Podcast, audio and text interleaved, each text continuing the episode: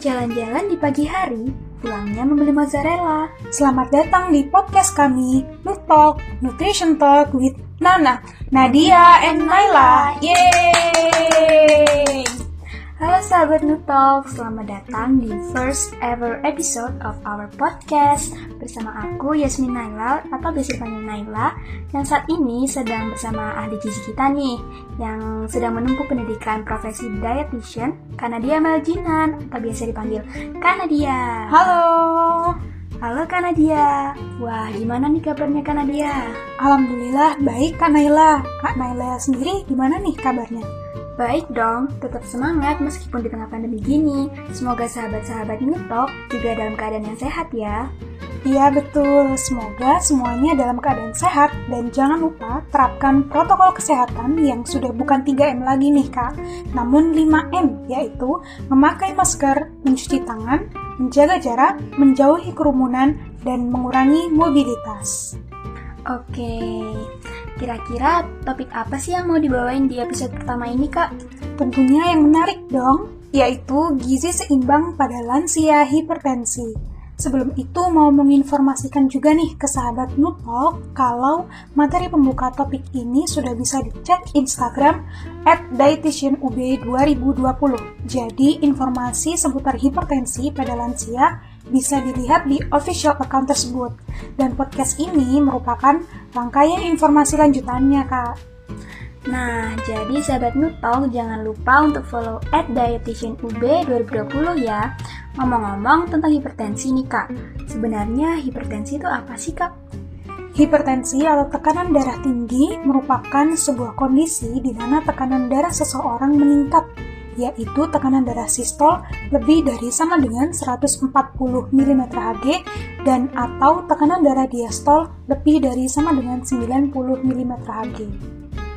Oh, kalau kita bahas soal lansia nih kak, seseorang tergolong dalam lanjut usia atau lansia kan ketika usia 60 sampai 69 tahun. Sedangkan lansia risiko tinggi yaitu ketika usia di atas 70 tahun atau usia di atas 60 tahun dengan masalah kesehatan. Nah, kalau pada rentang usia tersebut, apakah batasan tekanan darah tergolong tinggi itu sama, Kak? Nah, tentunya berbeda, Kak. Selain gaya hidup, usia merupakan salah satu faktor risiko terjadinya hipertensi pada lansia.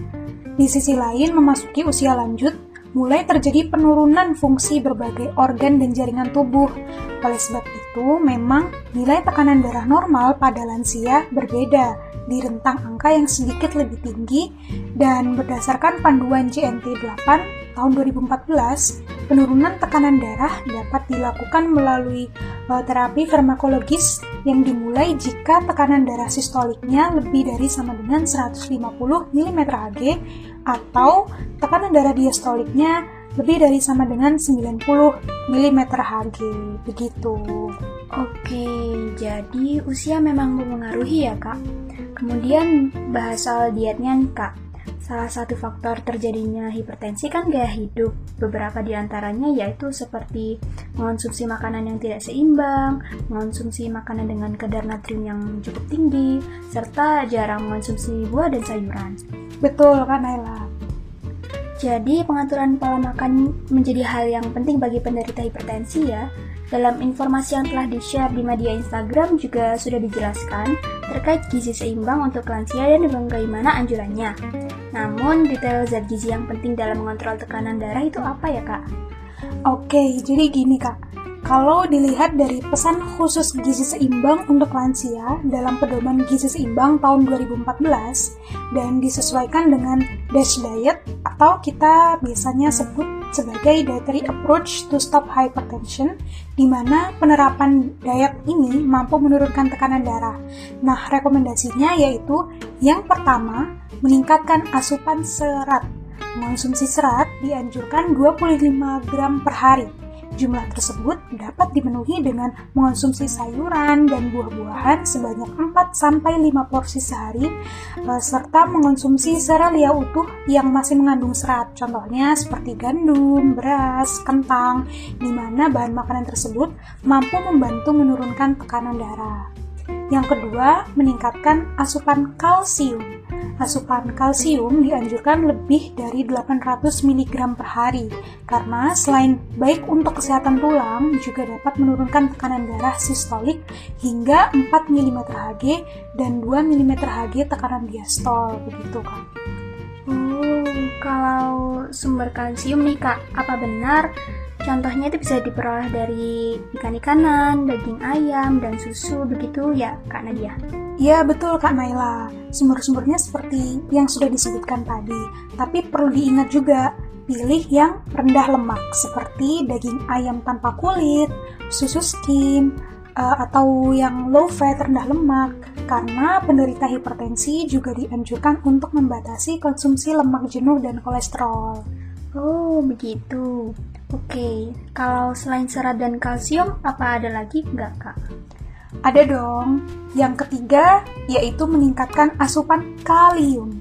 Konsumsi kalium sebanyak 4.700 mg per hari mampu menurunkan rasio natrium per kalium sehingga berpengaruh terhadap penurunan tekanan darah.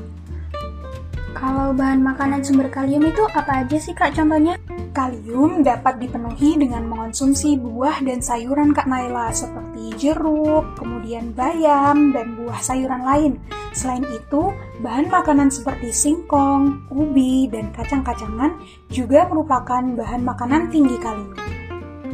Selain serat, kalsium, dan kalium, zat gizi apa lagi nih kak yang mampu membantu mengontrol tekanan darah? Zat gizi selanjutnya yaitu magnesium konsumsi magnesium 240 sampai 1000 mg per hari dapat menurunkan tekanan darah diastolik 1 sampai 5,6 mm Hg. Sumber magnesium contohnya adalah seperti kentang, kacang-kacangan, bayam, dan sayuran hijau lainnya. Oh, itu tadi kan zat gizi beserta bahan makanan yang dianjurkan ya Kak Nadia. Nah, kalau yang perlu dibatasi itu apa aja sih Kak kira-kira? Tentunya natrium Kak Naila. Selain natrium, yang perlu dibatasi adalah bahan makanan yang mengandung tinggi gula seperti kue manis, permen, minuman es yang manis seperti minuman boba dan sebagainya yang mengandung gula tinggi, serta bahan makanan mengandung tinggi lemak dan kolesterol seperti kulit, kuning telur, daging berlemak, santan, dan sebagainya. Kalau untuk natriumnya sendiri, bagaimana sih keanjurannya yang benar? Natrium pada penderita hipertensi perlu dibatasi kurang dari 2300 mg per hari atau jika target penurunan tekanan darah belum tercapai, maka dibatasi hingga 1500 mg. Sebaiknya konsumsi garam yaitu kurang dari 2 gram atau kurang dari setengah sendok teh garam, Kak Naila. Namun, perlu diingat juga kandungan natrium tidak hanya pada garam dapur. Betul banget itu.